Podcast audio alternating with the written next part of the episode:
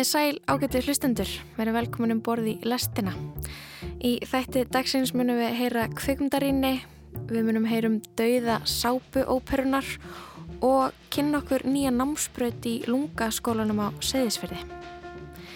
Ég heiti Lóabjörg Björnstóttir og þetta er lestin miðugudaginn 27. oktober.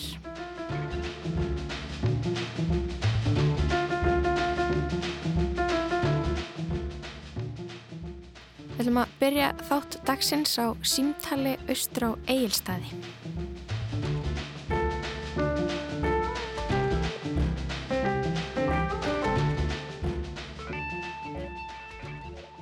Hjá mér á línunni er Ragnhildur Ásvaldsdóttir, sláturhússtjóri. Hvað er sæl Ragnhildur? Hvað er sæl? Hvað segir þú? Hvað er að gerast núna hjá okkur fyrir austan? Uh, núna eru við með uh, tvo listamenn frá Pólandi í residensju. Þetta er partur af samstagsverkefni okkar við uh, pólsku listamennstöðuna Fabrika Stukki í Vóts og verkefni heitir Act in Out og þessi listamenn Asja og, og Rafa eru, eru bæði að vinna með tónlist mm. og hérna verða hér í tæpa þrjára vikur. Þau verða að vinna líka með hérna, fólki hérðan sko, að það er að hérna, taka sér að vera með vinnustofu fyrir kóra hérna svæðinu. Í uh, svo kallar open voice uh, söngtekni sem er svona hérna, hefðbundin söngtekni sem er, er mjög algeng, eða var algeng í Pólandi mm. og svo verða tónleikars Eh, hérna í Sláturhúsinu bæði 5. november og 8. november. 5. og 8. november? Já. Mm -hmm. um, er ekki gaman að fá erlenda listamenn til ykkar í residensi í Sláturhúsið? Jú, það er rosa gaman. Það er hérna rosa gaman að vera í tengslu við listafólk og, og hérna alltaf um heiminn og, og, og líka á Íslandi auðvitað. Mm. Uh, það er eiginlega algengur að því erlendur listamenn sem koma í residensiður hér á Íslandi heldur en íslenskir. En við stefnum nú á að, hérna, að auka eða, eða ebla residensíu prógrami okkar enn frekar fyrir íslenska og þá sérstaklega íslenska sviðslistamenn. En okkar einsla og hérna, af erlendum samstagsverkefnum er mjög góð og, og sérstaklega þessu. Þetta er hérna mjög stórt verkefni. Þessum að hérna auk okkar og fabrikastúki taka þátt uh, eh, Karteblans uh, eh, dansleikúsið í, í Bergen og uh, Visjónarteater í Oslo. Þannig að þetta er mjög fjölbreytt verkefni og mjög gjöfult. Við hefum sendt listafólk út í residensu í sumarfóru Eh, Alli Bodlarsson og Guðmund Rúlvarsson á okkar vegum og voru í rúma tvær vikur í Vúts í Pólandi og svo residensi endaðinu tónleikum og við erum semst að taka máti uh, nýstamenn það núna í annarskiptið í vor kom myndlistamæður og vann hérna í þrjár vikur og það endaði með síningur. Frábært. Um, hvernig tónlist er þetta sem er verið að, að æfa og spila og semja núna í sláturúsinu? Uh, Jóana og Arvid uh, vinna mikið með samblanda af raftónlist og síðan þessari hérna, höfbundnu söngtrekni.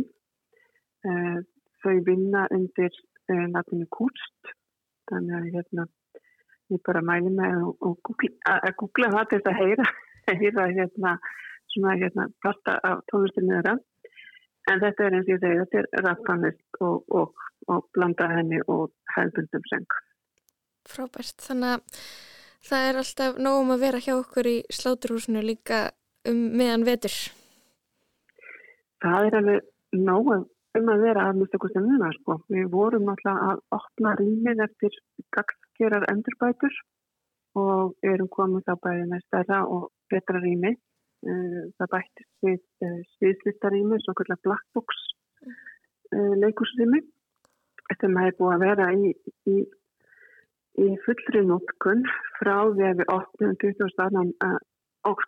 september fyrir e, þráttur að vera í raun og vera ekki tilbúið, það er ekki ennþá búið að koma fyrir tækninni, það er hérna stenka sendingum og utan tækjabúna en við sáum fram á að þetta verði alveg full bókað e, á næstumni. Frábært, takk fyrir uh, þessar frettir úr sláturúsinu Ragnhildur Ásvaldsdóttir. Ætlum að enda þetta spjall á lægi með hljóðlistahóknum Kust.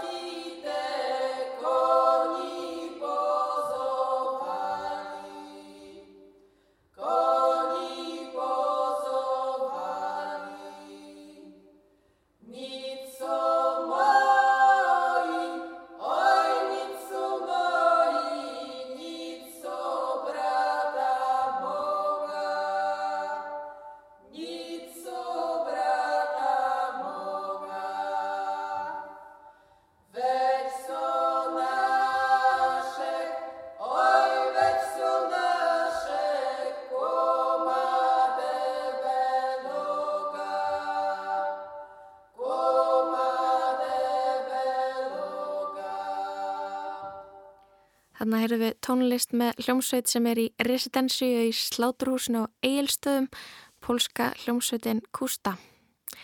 En næst allar Guðni Tómasson að segja okkur frá dauða sábuóperinnar.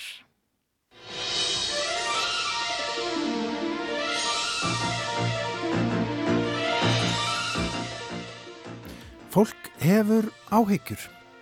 Já, eða sumir kannski bara engar áhyggjur af lífslíkum listforms, ef hægt er að kalla það það, allavega lífslíkum einhvers konar menningar afurðar eða fyrirbæris sem hefur verið með okkur í bráðum 100 ár, en er nú að margramati á fallandi fæti.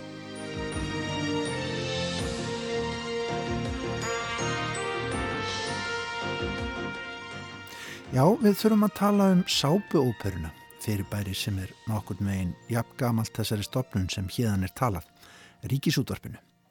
Það var nefnilega í oktober árið 1930, sama ár og ríkisútvarpið hóf útsendingar, sem útastöð í Chicago, VFGN útastöðin, setti á dagskrá þætti sem að héttu Painted Dreams, málaðir draumar og eru af sagfræðingum á þessu sviði álitnir vera fyrsta sábuóperan.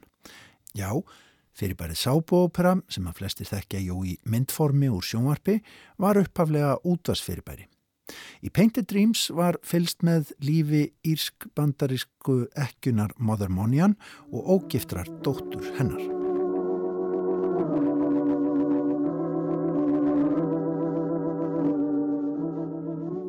Og fyrstu sápuóperurnar voru sérstaklega og svo reyndar lengi vel fram eftir í 100 ára sögu formsins miðar við heimavinnandi húsmaður sem að tóku sér frí frá húsverkum til að fylgjast með ævintýrum annara í gegnum sápuna.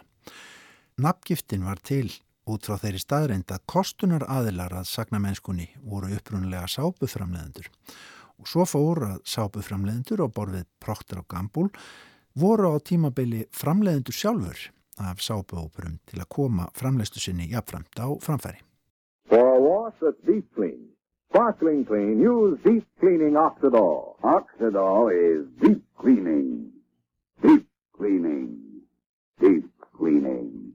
Áherslan var oftar en ekki á fjölskyldu lífið, personleg sambönd millir persóna, í að drama í nánum samböndum og kynlífi, þá oftar en ekki talaðandi rós, tilfinningarleg upplaup voru mikið tekinn og svo komu upp siðferðisleg álítamál.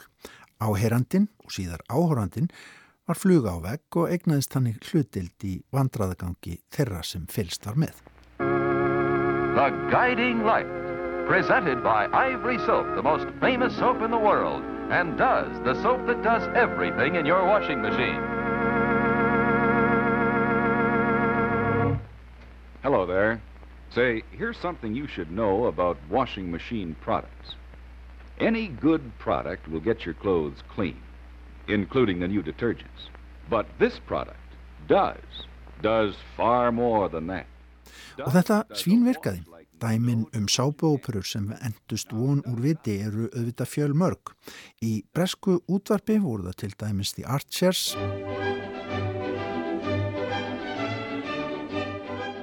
leiknir þættir eitthvað um 12 mínútur á lengt sem að verið hafa á dagskrá frá árunni 1951 og eru enn. Sjónvastættirnir Coronation Street eru frá árunni 1960 og komnir upp í tæplega 10.800 þætti sem eru 30 til 60 mínútur að lengt. Það sem satt ekkit gaman mál að setja sig inn í þá sögu frá upphafi. En það er það nú einn af kostum góðrar sápu að það er ekki erfitt að setja sig inn í þær og komast á bræðið. And now, The Guiding Light, created by Erna Phillips.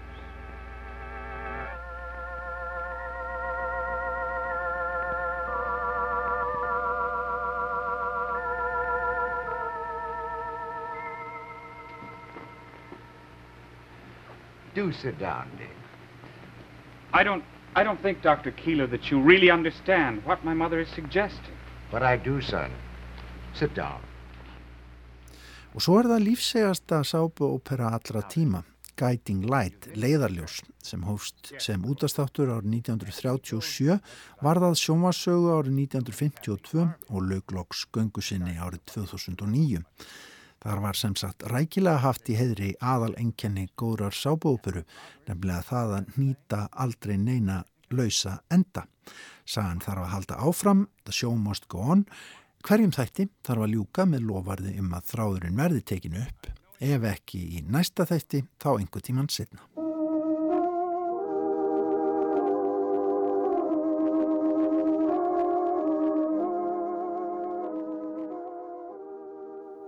En svo er kannski ekkert setna. Það ryktir nefnilega í stóðum sábúðupörnar, ef hægt er að nota það orðalag yfir fyrirbæri sem er jafn uppföllt af lofti. Já, fólk hefur áhyggjur, mismiklar kannski, af því að öll sábúðupörnar verði kannski ekki full öll, núna þegar átta ár eru í aldar ammælið. Allavega er fjallaðum möguleikan á þessu í umfjöllun menningarvefs Breska Ríkisútasins BBC um málið á dögunum. Þar er talað um möguleg endalók sábópörnar og gripi til hugtak sem að kemur úr bandarískri umræðu um þessi efni, nefnilega Sopocalypse, sem auðvitað vísar þá í heimslitin sjálf, Apocalypse. Neighbors, everybody needs good neighbors with a little understanding. You can find the perfect place. Tölurnar eru nefnilega allar á leiðinni niður á við. Sábópurur njóta alltaf minni og minni vinsælda og hægt og rólega týna þær tölunni. Framleiðslu á ástrálsku sábópurni Grönnum, Neighbors, var hægt fyrra á árnu en grannar hafðu lifað í mismikilli sátt og mismiklu samlindi allt frá árnu 1985. Framleitir voru 8.903 þættir af grönnum í 38 þáttaröðum. Það eru 3.264 klukkustundir af efni, 136 sólarhingar takk fyrir. Like sand through the hourglass, so are the days of our lives. Bandaríska serían Days of Our Lives hætti líka framleiðslu nú á árunu. Þeir þættir hófu gungu sína árið 1965 og örðu 14.430 talsins. Og aðrar serjur, aðrir fastar í sjómasmenningunni eins og til að mynda Östurbæingarnir Bresku, East Enders, hafa verið í gangi frá 1985 en njóta alltaf símingandi vinsælda. Nokkur neginn allar tölur eru niðrafið í þessum bransa. There's a better way to rent movies. As many as you want for only $17.99 a month and no late fees. Go to Netflix.com. Make a list of the movies you want to see, and in about one business day, you'll get three DVDs. Keep them as long as you want, without late fees. Og samkeppnin kemur ekki síst frá streymisveitum sem högva að henni típisku sábópuru og lífsgrundvelli hennar og frá raunveruleika þáttum sem að gefa fyrir heitum ósíða sín á raunveruleikan hvað sem síðan er nákvæmlega til í því. Það er landlagur vandir sábópera að það reynist trautinni þingra að endur nýja áhörvendahópa þeirra. Fólk kveikir í dag á sjónvarpinu sínum, ef það á sjónvarp yfir höfuð og fer beintin á streymisveitu. Verður því síður fyrir því sem bóðir upp á í línulegri dagskrá. Og hún hefur verið heimavöllur sábóðupurinnar alla tíð frá því að hún færðist úr útvarpinu og yfir í sjónvarpið. Það verður líka alltaf sjálfgjafara og sjálfgjafara að ólíkar kynnslóðir, svo ekki sé talað um heilu fjölskyldurnar, horfi saman á nokkuð skapaðan hlut, nú á hver sinn skjá og glápir bara á hann. Einn kynnslóð elur því síður upp þá næstu í þessari menninganæslu.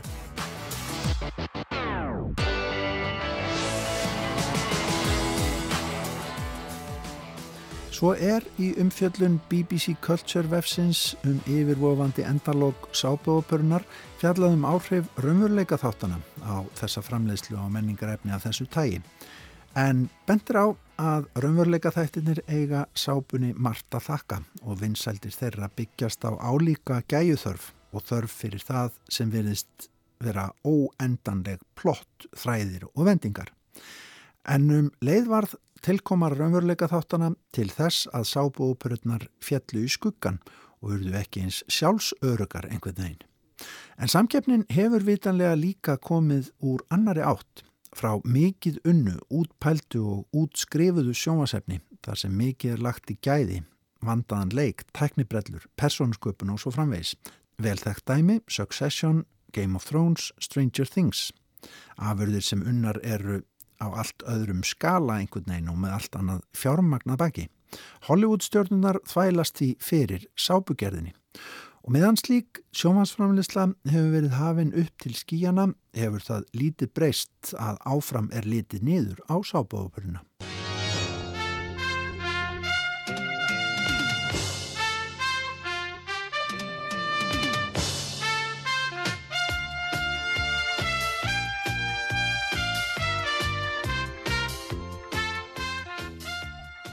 Greininni á BBC Culture webnum sem hér er vitna til og heitir einfallega eru sábúðupurur í hættu vitnar blaðamæðurinn Louis Staples til orða fjölmjölafræði profesorsins Elunu Levine sem handlega hefur rannsakað sábúðupuruformið.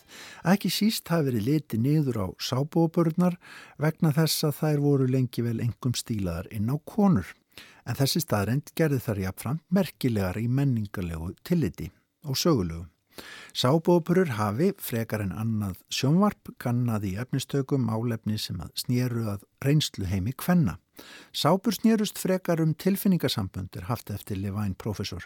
Er könnuðu fjölskyldusambönd, spurningar um tröst og heiðarleika, leindarmál sem personarnar heldu algjörlega útaf fyrir sig, já eða globruðu nýður að lokum, Hluti sem allar manneskjur láta sig vissulega varða en menningarlega í það minnsta í vestrænum samfélagum 20. aldar og áfram hafa slík atriði verið kvengerð, merking þeirra verið tengt reynsluheimi kvenna. Trudy, do you want me to mail the letter for you? Well, now, wait a minute, Meta. There's nothing to wait for. Well, don't you want to discuss what happened between you and Bruce? Nothing happened, Trudy. It's just that I finally decided to do what I've been wanting to do ever since I came to New York. Go back to California. En hvernig eru þá lífslíkur sábúoperunar til framtíða litið? Hverjar eru horfurnar fyrir sábúoperunar nú þegar 100 ára amalið nálgast ef við teljum útvarssábúrnar með? Áðurnemd profesor Elena Levine er reyndar á því að sábúoperan hafi reynst svo lífseg á muni aldrei alveg hvervæn í sögubækunar. Í Breitlandi er ennverða fjárfesta í nýjum sviðsmyndum, nýjum settum fyrir Östurbæingana og Coronation Street en það að grannarnir áströlsku og Days of Our Lives serían hafi verið slegnar af fyrir á þessu ári virkið aldrei eins og sparki rassin fyrir þennan bransa. Reyndar er grundvallar munur á milli amerískra sábúpera og breskra. Í þeim fyrrnemdu er fylst með fína og ríka fólkinu en í þeim bresku er fylst með almenningi.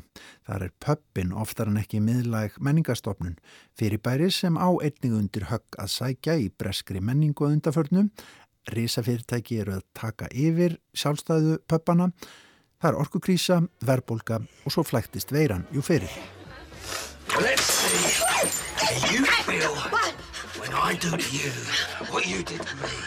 Take away the most important thing in my life. Let's see how you feel when it burns to the ground.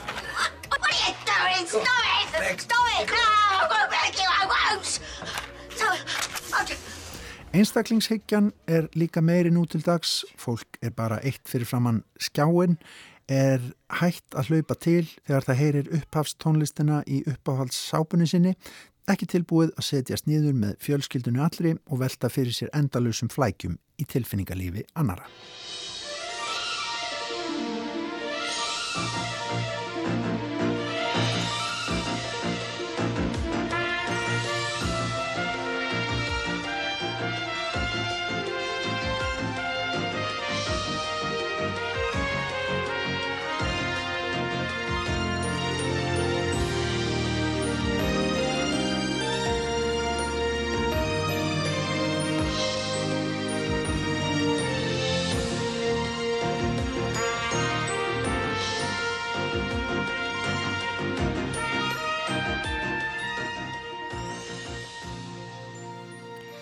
Þetta var Guðni Tómasson en næst á mælindaskrá er Guðrún Elsa Bragadóttir kveikmyndagagrínandi lestarinnar.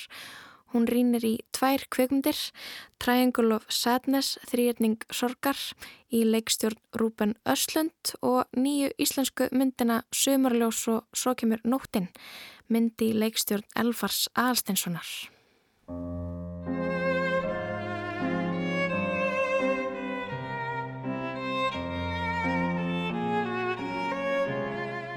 Í dag mun ég fjalla um tvær myndir sem eiga það sameigilegt að fjalla um manneskjuna í öllum sínum breyskleika.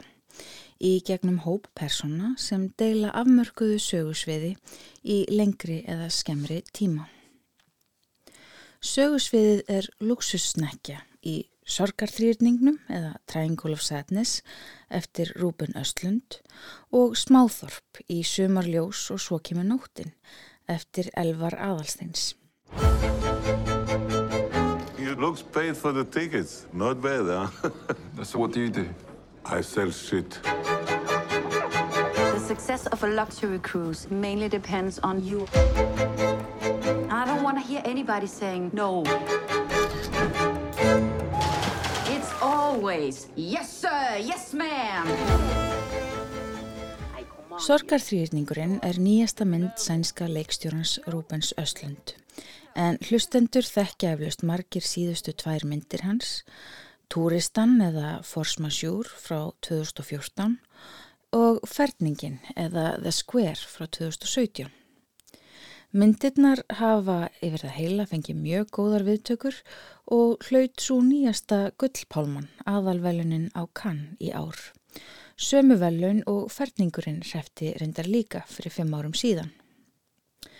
Östlund er ekki sá fyrsti til að fá velunin tvísvar en er nú í góðum félagskap útvaldra, Darden-bræðrana, Francis Ford Coppola, Mikael Haneke og Ken Loach, svo ykkurir síu nefndir.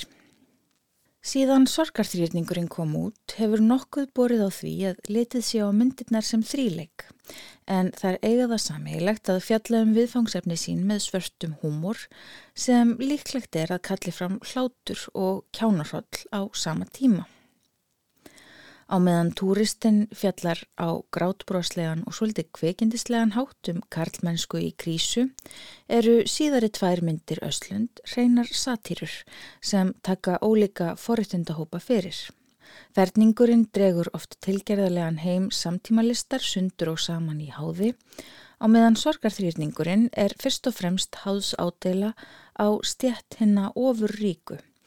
Þótt hann beini spjótum sínum raunar líka að fegurðar yðnaðinum. Titillmyndarinnar er sóttur til þessa samingis sem Östlund hefur sagt frá að hann hafi einsinn í í gegnum eiginkonu sína sem er tískuljósmyndari en sorgarþrýrningur er annað orð yfir áhyggjurhökkurnar sem myndast á enninu þegar við setjum í brítnar. Nokkuð sem á auðveldlega lagfæra með bótóksi í okkar surrealíska nútímasamfélagi. Sorgarþrýrningurinn fjallar um tvær fyrirsætur, tískumótilið Karl og kærustu hans, áhrifavaldin Jaja. Myndin er í þremur hlutum en sá fyrsti bregður upp mynd af parinu dýnamíkinni í sambandi þeirra og þeim yfirborskenda heimi sem þau tilhera bæði. Hápunktur þessa hluta er í mínum huga óþægilega passív-agressív samskipti parsins þegar þau fara út að borða á mjög fínu veitingahúsi og jája gengur út frá því sem vísu að Karl borgir reikningin að máltíði lokinni. Karl er nútíma feministi og verður vandræðilegur í ljósi þess að hún hafi dægin áður látiði veðri vaka að hún myndi borga í þetta skiptið. Við augljós réttlætti sjónamið bætist svo staðrind að jája þjernar meira í fegurðar yðnaðinum en hann sem samræmist illa þeim skilabóðum sem samfélagið sendir ítrekkað um að konur jafn þokkafullur og hún ættu þetta aldrei að þurfa að borga fyrir máltíð. Þessi pínlega tókstreita varpar ljósi á valda hlutföllin í ástasambandinu en hún er líka ein byrtingament viðfangsefnis sem myndin er afar umhugað um. Völd í krafti fegurðar og fjármaks. Í öðrum hluta sorgarþrýrningsins er parið komið um borð í lúsusnekju sem Jæja var bóðið á gegn því að hún byrti myndir af sér að njóta lífsins á samfélagsmiðlum. Háðsádeilan á þá svífyrðilega auðugu nær hámarki í þessum hluta myndirinnar sem líka mætti við engil útrymmingarinnar og dulda töfra borgarastjættarinnar eftir Louis Buñuel. Í uppáhaldsadriðinu mínu úr þessum hluta krefst einn þeirra ríku þess að áhöfnin taki sér öll frí frá störfum til að prófa uppblásna rennibraut sem ætluður gestunum og starfsfólkið neyðist til að láta það eftir henni þótt að sé þeim þvertum geð vegna þess að það setur vinnudaginn alveg úr skorðum. Úrverður þvinguð skemmtun hinn að sundfata klættu lægri stjætta sem bregður óvægnu ljósi á fáránlegt valdamisvægið og fyrringu hinn að valdamiklu í atriðum sem eru fyndin og óþægileg í sömu andrá. Þótt sumum gaggrinenda þykir þessi hluti myndar of einfaldur eða augljós í ádeilusinni þá hafði ég verulega gaman af persónugallerinu sem bætist við um borð á snekkjunni. Gestinnir eru nefnilega önnur tegund forrættundafólks en Jæja og Karl sem eru þarna fyrst og fremst í krafti fegurðar sem er þeirra gjaldmiðl í heiminum eins og verður æljósara eftir því sem líður á mynd.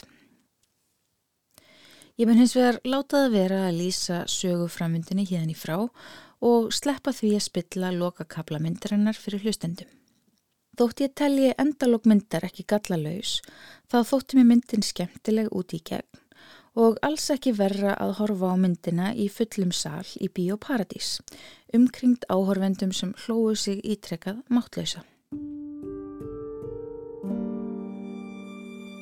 Það er gott að vakna snemma hér. En sennilega er sérstæða okkar svo að hér er hvorki kirkja nýja kirkjugarður. Þess vegna höfum við líklegast á tilfinningunni að hér degi aldrei neitt. Við ætlum að byrja á því að kíkja á blóðuristingin og... Nei, nei, nei, það er einhver miskilningur. Ég kom ekki til að vera í skoðun. Það maður ekki að læra latínu til að verða læknir. Sumarljós og svo kemur nóttin er aðlugun Elvars Aðalsteins á samnemndri skáldsögu Jóns Kalmæn Stefánssonar. en Elvar er líka handritsöfundur og einn framleiðenda myndarinnar. Um er að ræða aðra mynd Elvars í fullri lengt en myndin var lokamynd riff í ár og hefur fengið einstaklega góðar viðtökur gaggrinenda. Sögusviðið er smáþorp á Vesturlandi og við fáum insýn í líf í búa þess í gegnum ólíkar og að mestu ótengdar sögur. Segja má að þorpið sjálft sé einn sögupersona sem er fyrst og fremst náleg í sögumanns rött eða voiceover sem tekur mikill plás á hljóðrásmyndirinnar. Kynningatekstin lýsir myndinni reyndir svo vel að ég vil bregða út af venju og lesa hann hér. Tilvittnun hefst. Ef þú leggur við hlustir þá segir þorpið þér kannski nokkrar ósagðar sögur. Sögur af fórstjóranum unga sem dreymir á latínu og fórnar fjölskyldu og glæstum frama fyrir gamlar bækur og stjörnukíki.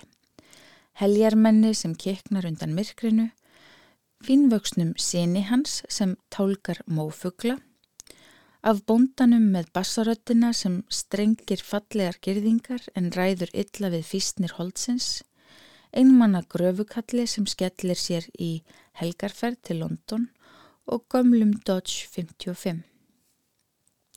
Personurnar sem hér er líst eru margar förðulegar og oft skemmtilegar og leikararnir standa sig mjög vel í tólkun þeirra. Ég er þó ekki alveg sátt með eina svolítið stóra ósýnilega personu. Þorpið sem segir áhorfendum sögurnar af íbúum sínum. Hér er ég ekki bara först í einhverju ósvejanleiri reglu um að kveikmyndir eigi að sína frekar en að segja. Til dæmis þykir mér mjög vænt um sögumannsröttina í annari myndum Þorp, Dogville eftir Lars von Trier, þar sem hún þjónar mikilvægu hlutverki í að draga áhörundur inn í söguheim sem er fyrir ymsarsakir óaðgengilegur. Sumarljós og svo kemur nóttin er tekin upp á þingeri við dýrafjörð sem er fallegur staður sem hefði getað umbreyst í eitthvað sem líkist personu í myndinni. Að minnstu kosti geti ég ímynda mér að hægt hefði verið að gefa plásinu meiri karakter, gera það heilstaðara og merkingaþrungnara sem sögusvið. En ég leifi mér að segja þetta vegna þess að myndin er afar velgerð og það er kvikmyndatakkan sem var í höndum David Williamson sérstaklega eftirtektaverð. Ég velti fyrir mér hvort virðingin fyrir bókmæntaverkinu sem myndin byggir á hafi staðið kvikmyndagerðamanni fyrir þrifum. Enda er skáltsaga Jóns Kalmans velunabók sem er í miklum mætum hjá bókmæntaunnendum þjóðarinnar. Mögulega hefði einhverjum til dæmis tótt að hálger vanhelgun að umbreyta þorpsröttinni í glænýja en djúbveitra personu sem væri með nefið ofan í hversmanns koppi og hefði ríka tilneingu til þess að filosofera um lífið á þessum undarlega stað. Þorp samanstendur ekki bara af húsum, götum og gangstéttum. Fólkið sjálft er þorpið og það er nokkuð sem ég fannst myndin að ykkur leiti meðvituð um. Samt fannst mér personurnar oft einangraðar, ekki eins og þar væru alltaf allar á sama stað. Það skýrist að hluta af því að sögurnar eru margar og skarast lítið en það er flókimála miðlabók sem tekur rúmar tíu klukkustundir í upplestri í kvikmynd í hefðbundinni lengt.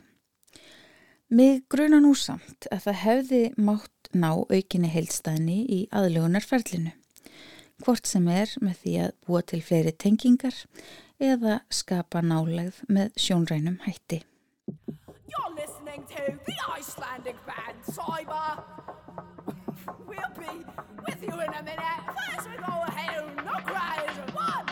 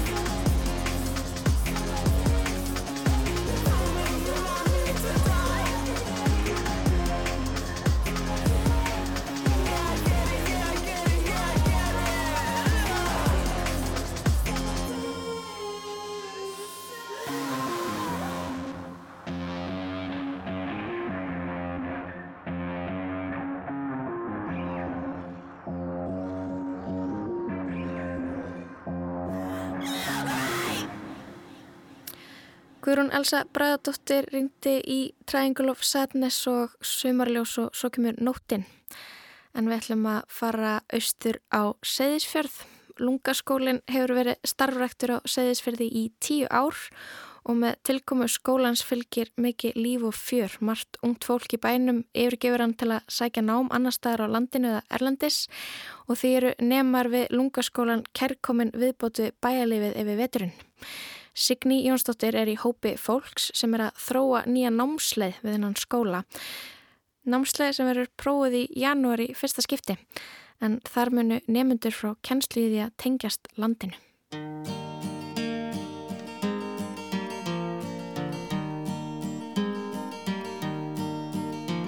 In the chilly hours and minutes of uncertainty, I want to be in the warm heart of your loving mind. To feel you all around me and to take your hand along the sand. Ah, I bet I may as well try and catch the wind. Signý Jónsdóttir er kominingað í lestina til að segja mér frá nýju tilrauna eða beta-programmi námsleið í lungaskólanum á Seðisfjörði. Vertu velkomin Signý. Hjartans þakkir fyrir. Ef við byrjum að þess að því að tala um lungaskólan, hann er á Seðisfjörði. Hvernig skóli er þetta? Já, þetta er uh, svo kallaður líðskóli sem uh, er á Seðisfjörði eins og þú segir og uh, verður tíu ára núna á næsta ári þegar við ætlum að uh, stoppsetja þessa nýju braut Mhm. sem ber heitið land. Emmitt. Og já, það er rosa spennandi og við ætlum að prófa að vera með svona beta-program eins og þú sagðir Mhm. uh, í janúar sem er fjögra vikna pröfuprógram þar sem við ætlum að prófa alls konar mismunandi námskið. Hvað er vanalega uh, í bóði í lungaskólanum? Hvað fer fólk þangað til þess að læra? Uh, Þetta er raun að vera svona undirbúnings uh, hérna, uh, nám uh, sem um, er í listum í raun að veru Emmett. og, uh, hérna, og núna er planið að bæta við prógrami sem að uh, fer svona inn á, inn á landið. Emmett. Um, ég var beðin um að vera partur af þessu verkefni núna bara fyrir cirka ári síðan. Mhm. Uh, ég hef sjálf uh, verið mikið í útivist og uh, hérna uh, einnig í uh, vöruhönnun. Þar hefur verið mikið að vinna með uh, melgresi og sáningu á melgresisfræjum og hvernig við getum búið til efni úr þessari plöntu og hefur verið að pæla í hvernig við getum sáð og gengið á sama tíma. Svona einhvern veginn sjálfbarni hugmyndir. Já. Pælingin er að, að eh, þessi, þessi braut snýst um það að fólk hu- hugsi sér að það sé eins og landnámsmaður á segðisfyrir 2022. Hvernig, hvernig virkar það? Já, akkurat. Uh, það er kannski svona, kannski auðveld uh, leið til þess að útskýra þetta með einni setningu en uh, þá er þetta líka hægt að segja að þetta er fyrir fólk sem hefur áhuga á ræktun, að uh, næra landið, að laga rófabörð, fólk sem hefur áhuga á handverki, að skoða matagerð, við erum mjög, hefum mikinn áhuga uh, fólk innan hópsins uh, að uh, skoða bara íslenska matagerð, bæði nú á tímum og uh, hvernig það var í gamla daga. Svona hvernig er þetta að nýta landi kringum okkur eitthvað neginn? Absolutt. Mm Er þetta eins og, er þetta eins og skáta, skátanámskeið blanda við listnám? Er, er það eitthvað svona sem væri hægt að líka sér við? Veist, þeir þeir að fara eitthvað svona þessi útivist en, en einhvern veginn að læra á, á landið í kringum ykkur? Já, einmitt. Ég hef aldrei heilt þessa samlíkingu áður en uh, hún er nokkuð góð, sko. Um, ég hef sjálf ekki verið í skátum þannig ég veit ekki alveg hvernig, uh, hvernig skátarnir fara fram en jú, alveg öruglega er þetta, er þetta líkt því og, og að vera einhvern veginn bara svona að vafra um og ekki endilega alltaf vera í þessu eilifa ströggli að komast frá A til B heldur að njóta þess og læra af því að vera á leiðinni frá A til B eða hvernig getum við látið eitthvað annað leið okkur áfram heldur en stikur eða, eða Mhm. GPS-tæki. Mhm. Í raun og veru bara að lesa landið og, og einhvern veginn tengjast í betur út af því að það er eiginlega magnað hversu langt við erum komin frá því og, og þekkingin er einhvern veginn finnst okkur vera að glatast hægt og rólega. Mhm. Þannig að um, það er gott að geta einhvern veginn tengt við það sem við erum að borða og tengt við landið sem við erum að ferðast um og, og einhvern veginn lerta að lesa landið þannig. Mm Er þetta eitthvað svona hugmynd að, að þarna, þú veist, á endanum þá kemur að því að uh, fleiri og fleiri þurfa að vera sjálfbærir í því að, finna mat og kunna að rekta mat. Er þetta eitthvað svona kunnáta sem þið, þú veist, svona með að við hvert, hvert hlutinni stefna í umhverfismálum, svona hvað, hvað raunveruleika vísindamenn er eitthvað neginn að, að, svona eitthvað búa okkur undir að einn daginn þá þá munum við kannski ekki geta treyst á að þú veist, matvæla, framleiðsla, það verið nóg til, er þetta eitthvað svona kunnáta sem að þeir eru eitthvað neina ímyndi ykkur að, að, að fleiri þurfa að hafa? Svona, Algjörlega uh, og hérna bara, þú veist, ef maður ímyndir sér það að, að landi logist bæði flugleið og sjóleið, hvað hva gerum við þá? Mhm. uh, nýlega þá las ég það að við erum 50% um, borðan 50% íslenskt ráefni og 50% uh, innflutt þannig að það er gríðarlega mikið sem við þyrtum að hérna um, að bara sjá um ef, að, ef að þessi leið, þessar báðar leiðir stoppa Mhm. uh, ég meina, maður líka bara einhvern veginn ekki með neina tengingu við uh, þegar maður fer út í búð og maður grýpur hluti í körfuna og maður hefur ekki hugmynd um hvaðan allir þessi hlutir eru að koma Einmitt.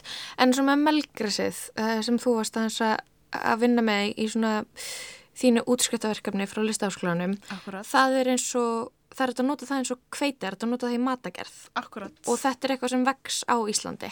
Algjörlega. Uh, við vorum þrjú saman að vinna að hérna, uh, því að uh, gera kveiti tegund í raun og veru bara úr melgræsisfræinu.